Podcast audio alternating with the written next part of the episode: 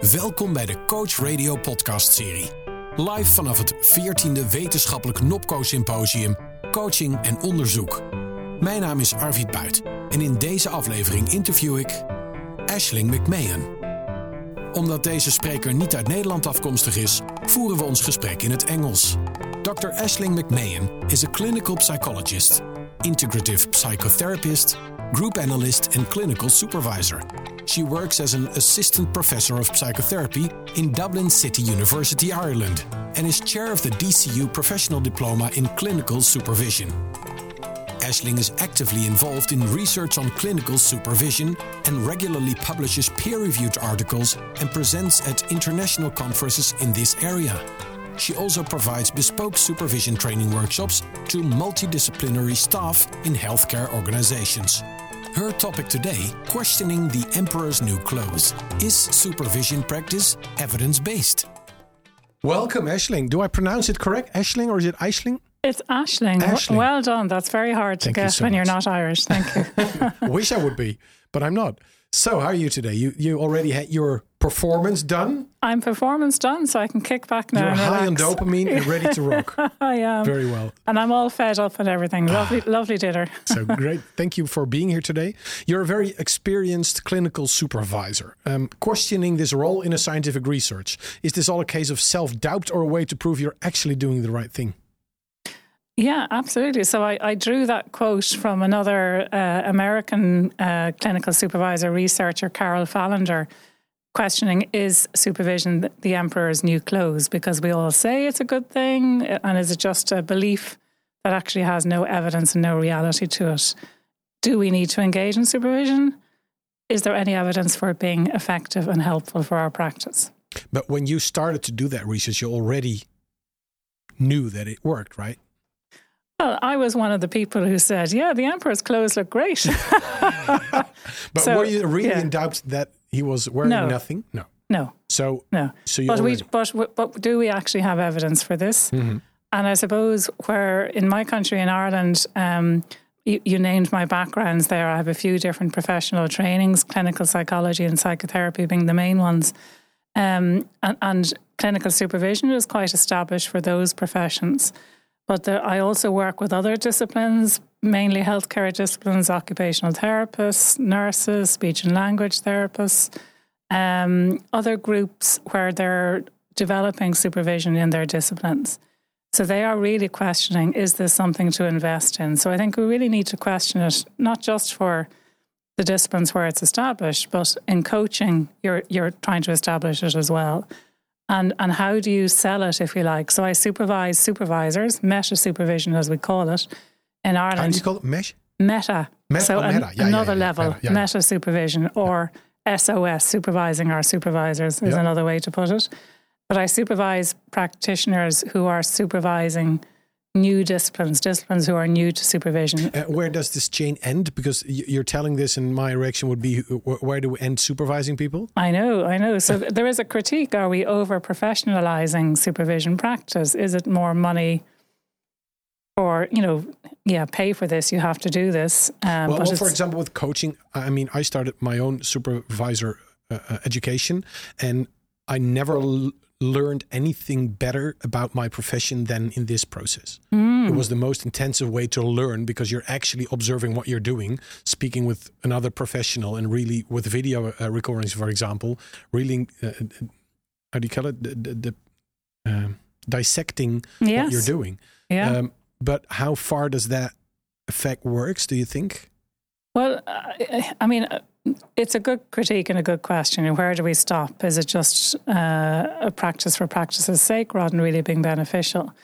Um, but if I take, for instance, the example of, and I know this is a practice based example rather than research, but of a, a practitioner who's working with a client who has a high level of trauma. And that practitioner brings the traumatic, the vicarious traumatic impact of that work to their supervisor.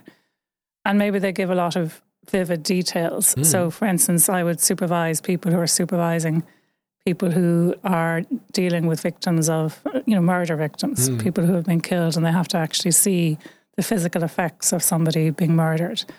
So they bring in the rea- the vision visual of that into their supervision. That supervisor has some vicarious trauma again, mm-hmm. they bring it to their supervisor. And you could keep going. But the thing is, the traumatic effect is diluted a bit more each time. Yeah. And there's a, there's a greater containment of that really difficult frontline practice, which is desperately needs containment. Yeah. And the, the person who's containing it, the supervisor, needs to have their containment to be able to be steady and emotional, present, and available to that person. So they're not cutting down uh, the experience that they need to bring to supervision. Now, I know I'm talking about my background as psychotherapy, so mm-hmm. that's more of a therapeutic context. Because it's your perspective. Yeah, yeah, yeah. And, and, coaching maybe isn't quite so. Uh, you know, vivid frontline mm. work with, with mental health or physical health issues. Um, but but there is any human endeavor, any human service work is emotionally and relationally challenging. So it's about supporting people to work with other people at their best. And that does require ongoing scrutiny of practice. So we have most of the research about supervision comes from the psychotherapy field. It's the most established profession that has supervision over a long time and where we've been doing research studies for a number of years. Really only over the last 30 years have we been getting rigorous studies being done. The majority of the studies have been self report, so interview based studies, questionnaires, surveys with supervisees. They're overwhelmingly positive about the value of supervision, although we do have some research showing negative effects of inadequate and harmful supervision. So we're learning more about what is good supervision and what is problematic supervision. It's not all the same thing. Now, I, have yeah. had another guest here today who also mm. sp- uh, spoke about the uh, adverse effects. But in your research on supervision, you've identified four core themes, one primary and three other themes. Could you share those with the listeners to start understanding your perspective sure. on research? Yeah, yeah. So the acid test of supervision is do the clients benefit? The mm-hmm. practitioners mm-hmm. are in supervision. If they attend supervision, do they get better at working with their clients, whoever their clients are? Mm-hmm. The jury is out on that one, unfortunately, because it's so difficult to actually do Measures, method- yeah, methodologically yeah. robust studies in that area. But we do have some really good studies, really well designed, rigorous studies that show a positive impact. If people have regular supervision that's focused on a particular area of practice, a very much goal focused, skill focused. One lovely study done in, in Australia looked at uh, supervision that focused on developing relational skills in practice and they, that will show benefits for clients. but, but, uh, but I, I, read, sorry to interrupt, but, but uh, I read your latest study, and it's uh, with social workers, social care workers, and and and then you have like four sessions with six male social workers. I believe yeah, that's what. The, yeah. So it's very labor intensive to gather this data.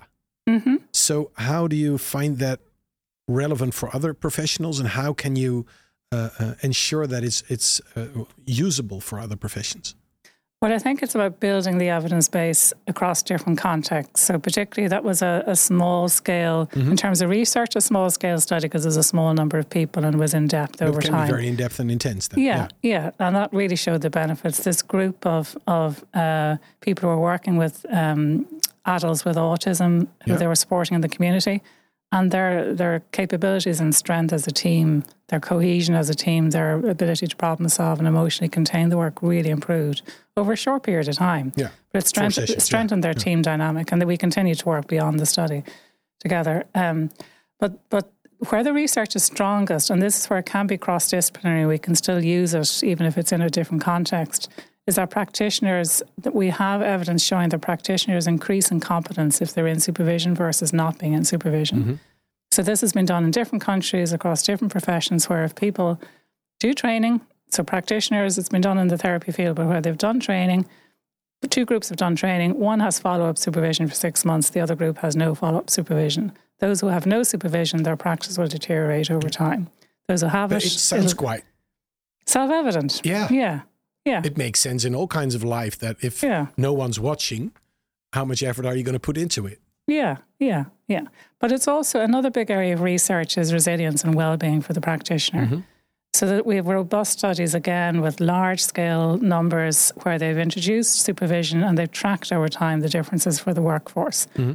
And they clearly show reduced emotional exhaustion, less burnout, mm-hmm. greater well-being less sick days, more engagement, more satisfaction, staying, more job retention. So really good for organizations as well.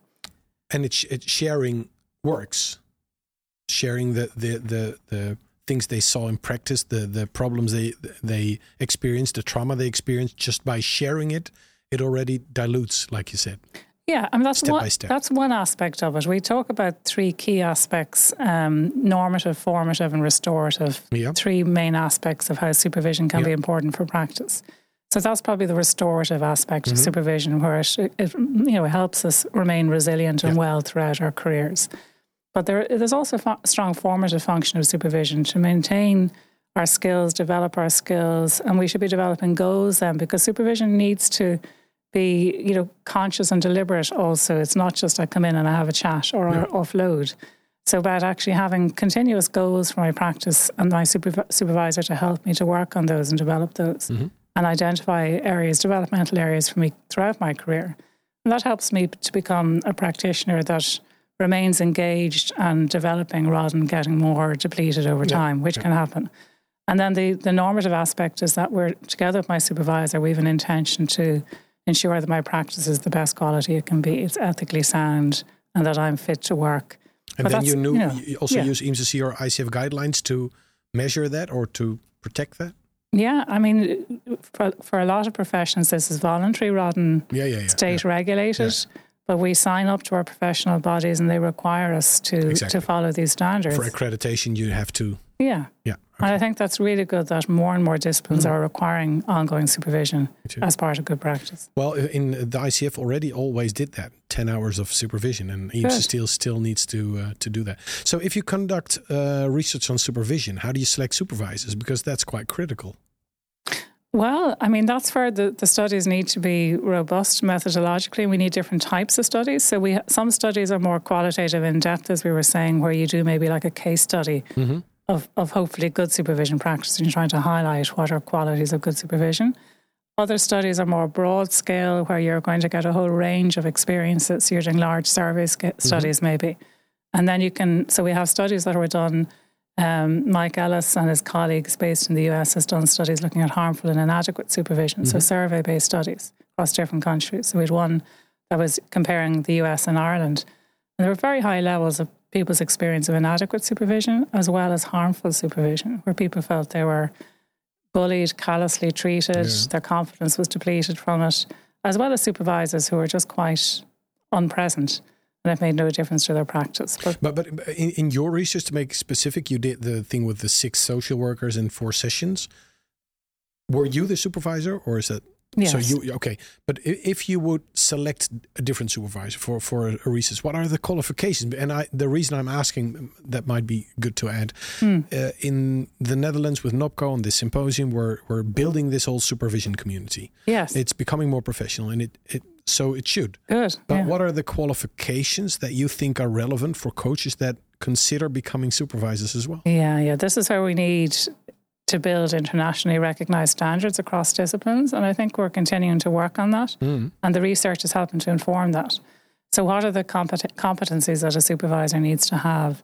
So, in the in the session we had this morning, one of the competence, competencies that's coming out is really important in recent research is to be culturally competent and culturally aware. And how would you define that? So, how to talk about, I don't know if you know the term intersectionality, Yeah, but yeah. it's, yeah, the different identities that we hold. Each person might have identified with a number of different cultural identities. So, Mm-hmm. in terms of gender, sexual orientation, age, religion, Mm-hmm. um, you know, work orientation, education, social background, so many different things. as a coach supervisor. to be aware of it, but also to become more comfortable at talking about Talking it. about it, yeah, yeah, yeah. And then that enables the practitioner that they're supervising to become more comfortable at talking about it with their clients in whatever context they work. But but to, to zoom in on that because you are also a psychotherapist, so I'm going to use that skill Hmm. right now. So how would you make? What's the process of becoming more comfortable talking about things that you find discomfortable? Well, supervision has a key role in that. Mm-hmm. Because if we're not having those conversations in supervision, we're not going to risk it with our clients and make So you're inviting and- people by doing it. Exactly, exactly. And the research is very strongly coming out to say that clients from minority cultural identities in particular want their practitioners to initiate the conversations and mm. supervisees want their supervisors to initiate the conversation because they're often left with the burden of starting a conversation around what it's like for me, for instance, as a coach from a, you know, for me, a, a white female um, you know, majority group in a lot of ways, identities, to work with somebody who is from a different cultural yeah. background, yeah. Um, visible or invisible. Some of them are very obvious, some aren't. But I'm I'm resenting that I'm the one who has to bring in this into my supervision work. Mm-hmm. The challenge that I'm experiencing, but what's holding people back from having these conversations is a discomfort and a disease, uh, you know, an unease, difficulty having broaching difficult conversations. I might get it wrong, I might offend somebody, so they're holding back. So, how, so as a coach, you should be curious as well about all these aspects. And it is a sensitive conversation, but can we do that as part of the relationship building and mm. have a conversation explicitly? This is a this may be a sensitive area, but I think it's important for us to check in as we're starting our supervision relationship. What identities are important for us uh, as people so and as practitioners? confident then to yeah. start that. Yeah, yeah. And you need to have a supervisor to help you do it in your exactly, supervision. Exactly. Yeah. so, but that's just one aspect, but it's coming out quite strongly in current research that we need to be more culturally aware, particularly those with majority cultural backgrounds. And, and that's a, a, very important, or is it the only important, or are there more aspects of? Oh, there's lots more. Generally, relationally able supervisors is coming out as very important. It's related to, so a good supervision relationship is related to a lot of benefits for supervisees. They feel uh, more able to be more open. So there's a big problem. Some problematic areas that are coming out in the research are that supervisees withhold information, important information, uh, from their supervisors. So when they feel they've made mistakes in their practice, when they're having difficulties yeah. with clients, a number of different areas that should be discussed in supervision, uh, they're withholding them if they don't feel safe and able to be open with their supervisor. So, relationally competent supervisors, that's really critical. Really important to be able to work well with contracting and reviewing mm-hmm. of contracting. There are a number of different competencies. I, I won't necessarily yeah, yeah, go but, through but them all, but. Direct, yeah. Uh, link to what you just said, it's also being vulnerable as a supervisor by inviting people to do the same to you. Yes. So it's it, it, it yes. And and one of the things that you didn't name, but I want to end with it is because I think it might be important or not in your eyes. So yeah. if you're a supervisor specifically for coaches, I mean supervision can be used for any, any kind of uh, job, but yeah. specifically for coaches. Should the supervisor be an incredible good coach as well? Not necessarily. I and you, may, you, you, you may not want me to say that. oh, yes, I do. I, yeah. I'm just curious. But cro- cross disciplinary supervision is becoming more popular, and people are finding that beneficial. Yeah. The re- there's not a huge amount of research on it, but the research so far says that it's most beneficial if you're already established in your practice, the practitioner, the supervisee. Mm-hmm. So if you're in an early career, if you're training or early career, you need to be working with a supervisor from the same discipline. Yeah.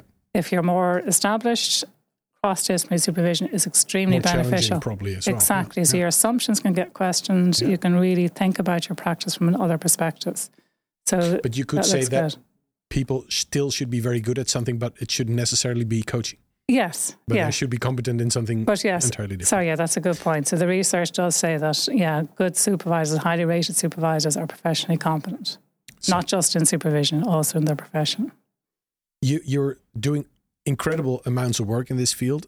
Where does it end for you to end this interview with that question? Well, when will it be enough, Aisling? Well, it's hard to fit it all in because I'm a practitioner and an academic. Yeah. So, but it's it's a it's a joy to be able to contribute to broader knowledge and understanding and to influence and inform others. So, like that study you described with mm-hmm. my colleague Patrick Hallinan, who was one of the social care workers, we, we published that article together. We're continuing to collaborate. That was a lovely practice based research study. Yeah. That was a joy to be involved. incredibly valuable. Yes. Although it being small yeah. is very intense. Yeah. yeah. It's the bigger studies that are more difficult. I know. you did one with 120 books, I believe. I found one oh, very yeah, that, literature stu- study. It was well, that wasn't too difficult. It's more the ones where, where, you, where you're analysing recordings of practice, which oh, is so yeah. interesting, yeah, but it's really time consuming. we did that's far. Thank you so much for being here, uh, Aisling McMahon. Thank you so much. Dank voor het luisteren naar de Coach Radio podcast. Live vanaf het 14e wetenschappelijk Nopco Symposium vanuit het Van der Valk Hotel te Hoofddorp. Meer informatie over de volgende editie vind je op www.nopco.nl. Hartelijk dank voor het luisteren.